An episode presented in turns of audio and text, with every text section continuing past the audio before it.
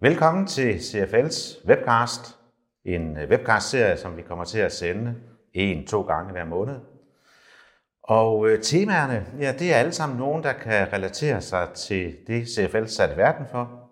Vi er jo en forening, og det vi er sat i verden for, det er at udvikle ledelseskvaliteten blandt de medlemmer, vi har, blandt de virksomheder, vi samarbejder med, og de organisationer, der på en eller anden måde har en tilknytning øh, til CFL.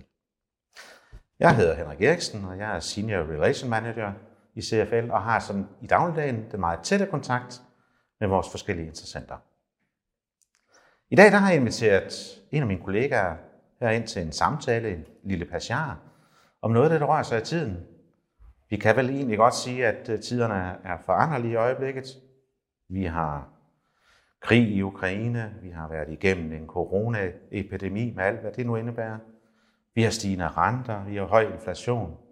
Ja, Henrik, man kunne vel næsten sige, at, at vi, er, vi er vel i en eller anden form for krise, eller hvad? Ja, det er jo et godt spørgsmål. Altså hvis man kigger ud af vinduet, så tror jeg, at alle vil være med på, at der er øh, noget, der er under opsejling derude. Ja, ja, ja. Øhm, så, så på den måde, så, øh, så er man i krise. Men krise er jo et, et lidt sjovt begreb, mm, fordi mm. Øhm, en krise for dig er ikke nødvendigvis en krise for mig, og sådan kan det også være med virksomheder. Ja. Det, der kan være en krise for en virksomhed, ja. kan være en mulighed for en anden. Det så, kan være en mulighed for en anden. Ja, så, Det, så derfor det her med at definere begrebet krise, det, øh, det kan man øh, bruge meget tid på at snakke om, ja. øh, og det gør man også. Ja. Øh, og et andet interessant aspekt ved det er, at øh, de virksomheder, der bliver mm. påvirket mm. af krise, mm. eller øh, der er det, det eksterne billede. Mm. Det er egentlig hvad jeg, det, jeg kalder et, et forstørrelsesglas, eller en, fremkalder, ja. en fremkalder væske, okay. som egentlig fremkalder en intern skjulkrise, mm. fordi øh, virksomhedens evne til at håndtere mm. kriser i omverdenen mm. afhænger af dens, øh, af dens interne mindset, dens mm. Øh, struktur og dens økonomi. Mm. Øh, så, så, så, øh, så eksterne kriser, det vi oplever nu, ja det har en tendens til at forstærke ting, dysfunktionaliteter eller Som ubalancer internt inde ja. i en uh, virksomhed. Kan man i virkeligheden sige, at, at tiden, vi har lige nu, der kunne vi kalde, den kunne kalde på noget strategisk ledelse, vi kunne definere det som strategisk ledelse i usikre tider. Ja. Og det er noget, du har meget forstand på, det ved jeg jo, du har. jeg, jeg går jo faktisk og praler med, at, at du er ekspert.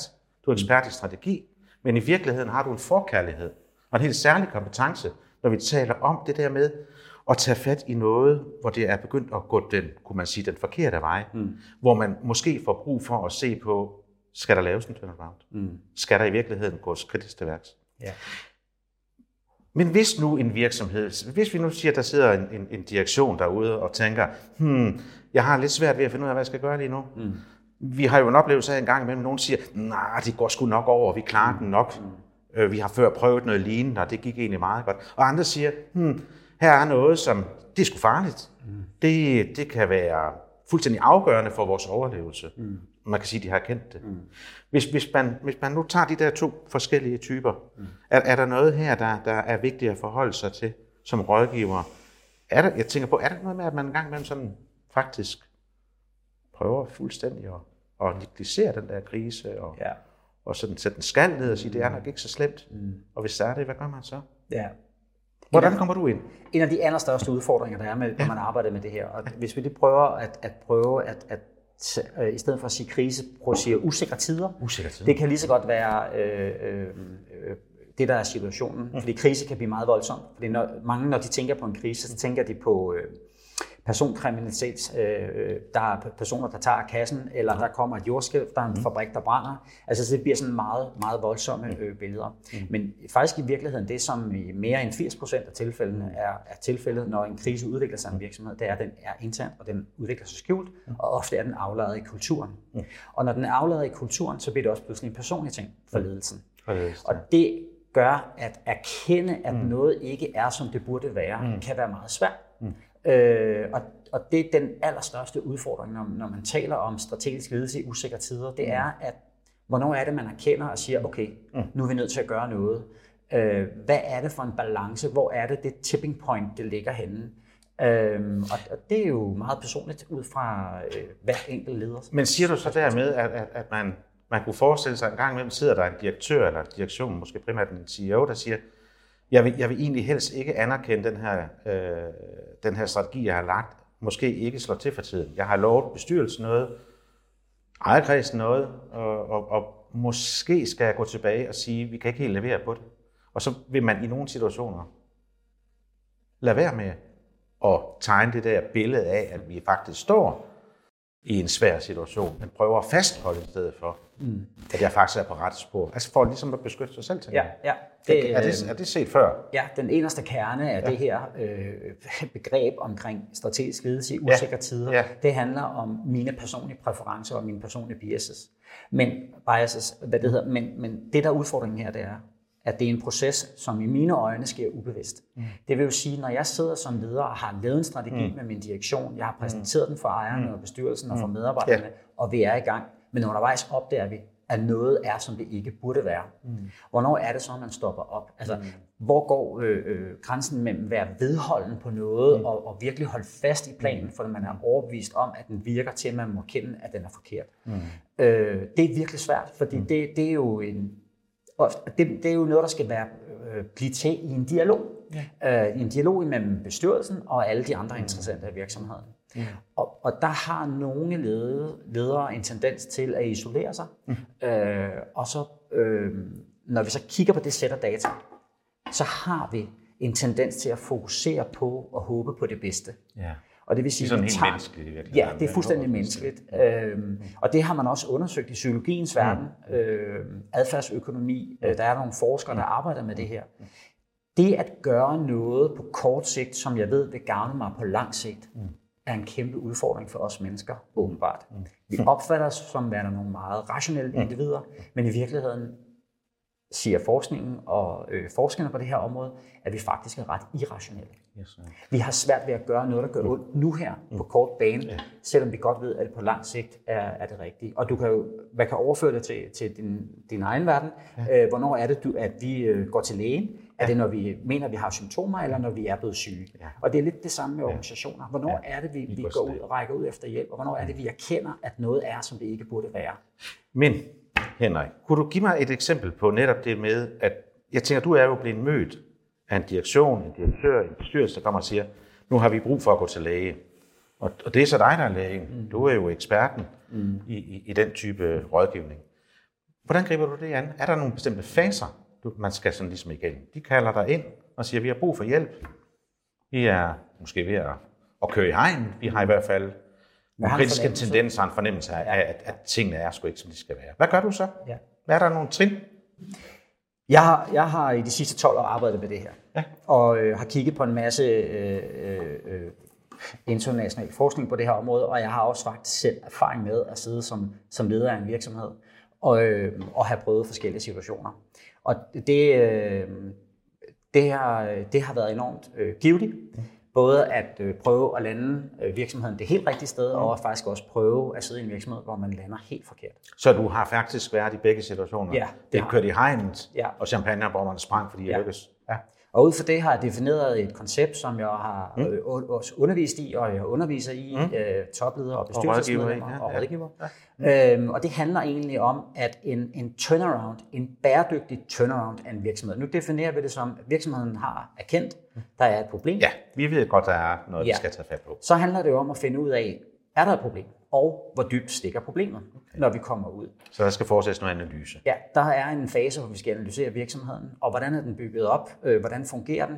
Øh, og der har du et framework for det? Der har vi et framework for det, ja. og det er sådan den kapacitet, virksomheden øh, ja. indeholder, og øh, øh, den kapabilitet, virksomheden øh, ja. øh, repræsenterer ind i virksomheden, ja. skaber et, øh, nogle resultater. Yes. Og det er, de resultater kan enten være øh, øh, hvad kan du sige, under pres, eller ja. bliver accelereret af den omverden, der er. Yes. Når så en ligesom, analyse af det, det er ja, sådan så fase 1? Internt, ja, ja okay. fase 1, lave en analyse, og i ja. bund og grund er det et meget simpelt spørgsmål. Ja.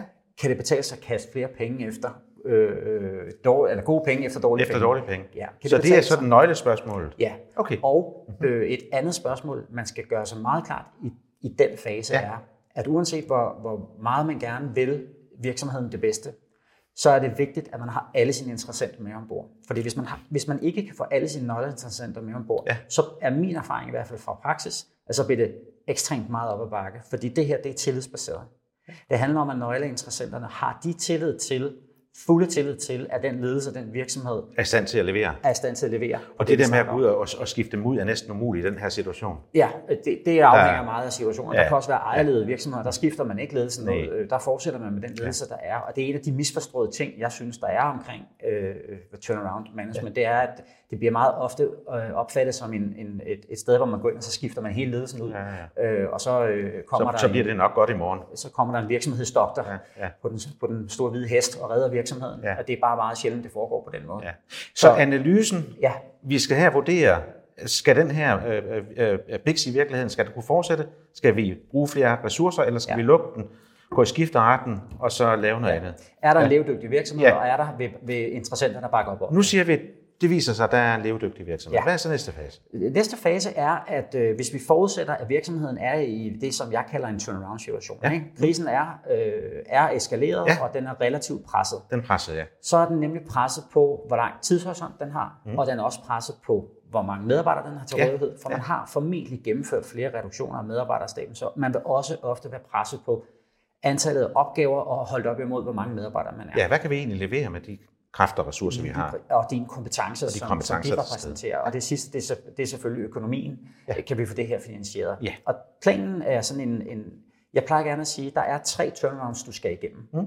Og den første er den mest kendte mm. og anerkendte. Mm. Og det er den, hvor man sætter en økonomimand i spidsen, nemlig ja. at lave en, hvad kan man sige, en tilpasning eller reduktion virksomhedens økonomiske, altså virksomhedens apparat. Så her får vi kigget på, på, på alle figures. Det er til tal, ja. bum, færdig. Ja. Passer Hvor det skære? Ja. Ja. Mm. Passer det aktivitetsniveau, ja. virksomheden ja. har ja. med den øh, økonomiske ramme, som der er? Eller er det i virkeligheden over? Krisen vil jo ofte gøre, at man står med for meget kapacitet ja. i forhold til den økonomiske aktivitet. Og den fase har også til, til formål at gøre det helt kortsigtet, nemlig fremskaffe likviditet. Nu og her. Ja. Nu og her. Fordi ja. det er det, virksomheden mangler. Ja. Mm. Virksomhederne, der, der er i den her krise, de er presset på likviditeten. Så, og det er likviditeten, så, der skal bringe dem videre. Så det er sådan den ene fase. klassiske ja. måde, det er at sætte den CFO. Den økonomiske turnaround. Ja. Ja. Men der er vel også noget med noget kultur og Ja, der kommer, i hvert fald, øh, der kommer i hvert fald en anden fase, mm. som handler om den, det, jeg kalder den operationelle turnaround. Ja. Den er også sådan relativt kendt og anerkendt, mm-hmm. øh, og bliver også nogle gange sat i værk i virksomheder. Ja. Og det handler jo om, tjener vi penge på det, vi gør? Ja. Og det er særligt en udfordring, har jeg fundet ud af, ja. øh, for virksomheder, der har haft succes over lang tid. Mm-hmm. Og det er jo lidt paradoxalt, mm. men virksomheder med succes, de blomstrer i deres produkter, deres serviceydelser, deres markeder, deres kundesegmenter, og de er, øh, de, de, de har forsøgt alle mulige retninger. Så lige pludselig har vi en palet af en hel masse ja. forskellige, som måske ikke er rentable. Vi tjener ikke penge på den. Ja. Og det har blandt andet ført til den her situation, man nu står i. Ja, blandt andet. Og, og derfor så er spørgsmålet at finde ud af, hvor er det virksomheden tjener sine penge? Så det er en del af opgaven her. Hvor er det volumen ja. ligger? Hvor er det indtjeningen ligger? Mm. Øhm, og så går vi i gang med også at kigge på det, virksomhedens processer. Fordi meget ofte er det sådan, at virksomheder, der er havnet i problemer, ofte har kan man sige, en defekter, altså interne processer, som ja. ikke fungerer. Så ressourcer, hvor tjener vi penge, hvad har vi af processer, er vi effektive, ikke effektive, har vi bygget vores logistik, vores, ja. ja, og så videre, har vi bygget det ordentligt op. Det vil sige, enhedsomkostningerne ja. øh, per, ja. per solgt enhed, yes. er de positive og negative. Ja. Når vi har fået styr på den del, ja. så øh, det, som jeg kalder den operationelle turnaround. Præcis. Så går vi videre til den sidste, som er den mest oversigtede turnaround. Okay øh, nemlig det, jeg kalder den strategiske turnaround. Ja. Og den handler om to ting. Ja. Den ene der handler selvfølgelig om det helt åbenlyse. Har vi den rigtige strategi? Ja. I forhold til den nye virkelighed, som... Og jeg tænker, at der skal jo en, en ny strategi til formodentlig. Det vil der rigtig ja. ofte skulle ja. til. Ja. For det første, fordi at der er jo noget, der er gået galt, og det starter jo ofte med, at man har en strategisk ubalance i sin mm. virksomhed i forhold til det marked. Så nu vurderer man, man, man benchmarker op på, på alt det, man nu har afklaret, ja. og siger, hvordan delen kommer vi så i mål. Ja. Altså, der er nye Fordi mål og ny strategi. Udfordringen med ja. den her fase, ja. det, øh, det er, at den tager lang tid. Mm. Og øh, den er også relativt øh, omkostningstung, ja. øh, fordi den tager lang tid. Ja. Fordi du skal nemlig også ind og kigge på øh, det, der hedder øh, virksomhedens forretningsmodel. Mm. Og det er, det, er ret, det er ret overset, mm. øh, synes jeg, i hvert fald de virksomheder, som jeg mm. har haft talt med. Mm. Mm. Man har meget fokus på at få passet strategien til Men i virkeligheden, så handler det også om virksomhedens forretningsmodel. Er den stadigvæk øh, aktuel er den gangbar? Ja. Er den gangbar i det marked, der er i dag? Eller er den blevet digitaliseret fra konkurrenter? Er det i virkeligheden derfor, at virksomheden ja. oprindeligt kom i problemer? Ja. Har, har vi, ja, lige præcis. Har, har, har man i virkeligheden har, har man overlevet i virkeligheden det, som man startede op på, og måske havde ja. succes med i mange år, fordi man ikke har tilpasset sig de omstændigheder, som vi oplever lige nu med ja. alt muligt, der påvirkes udefra, ja. men også masse internt. Ja.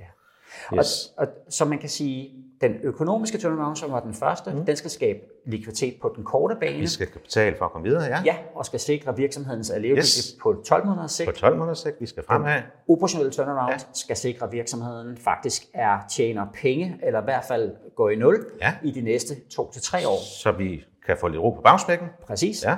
Det åbner op for den tredje turnaround, nemlig den strategiske turnaround, som ofte tager 3-5 år. Hvor vi skal have lagt en plan på sigt, der ja. skal sikre at vi om 3-5 år kan tage champagnen op og ja. åbne den og måske endda gøre sådan her, ikke? Ja. og så hælde op i glasene og sige skål, vi fejrer det. ja, det så det er de trin, du tænker, man skal igennem, og det har du ja. stor erfaring med at gøre. Jeg har i hvert fald prøvet det nogle gange, og jeg ja. har også undervist de andre i, hvordan man gør det, ja. og øh, det, det ser ud til at, være, øh, at fungere. Ja. Øh, der er i hvert fald øh, gode tilbagemeldinger på, ja. øh, når vi arbejder med de her ja. ting. Så man kan sige, at øh, hvis vi sådan slutter af, så er der en, et, der, der er et framework, som Henrik arbejder ud fra, som man kan lægge ned over en, virksomhed i en given situation. Står du derude som virksomhedsleder, som i en bestyrelse, som direktør, og tænker for fileren, hvad, hvad, hvad skal jeg gøre lige nu? Er det ret tit i omhu? Er det i virkeligheden ret tit i omhu, selvom jeg ikke helt måske fornemmer, at, at det er så kritisk? Er det alligevel ret tit i omhu at sige, jeg har egentlig brug for en second opinion, jeg har brug for en, der kan hjælpe mig til lige at få få kigget det hele efter i sømne, så jeg er i stand til at træffe de rigtige beslutninger om, hvad skal jeg gøre nu og i fremtiden, måske i virkeligheden have en plan A, en plan B, en plan C. Så kan man jo kalde på, på, på Henrik Appelqvist eller nogle af de øvrige kollegaer, vi har i huset, som netop arbejder med, med den type af strategiske udfordringer. Jeg vil sige tak, fordi du vil bruge din tid. Det var spændende at høre om, hvordan man kunne gribe sådan noget her an, og lidt om din erfaring med det, og skønt, at du både har ja, kan man sige, en dyr købt erfaring med noget, der ikke er gået så godt. Det kommer vi ikke så meget ind på. Til gengæld har du også en rigtig god erfaring med at få ting til at lykkes, og det kan andre drage fordel af. Tak for nu.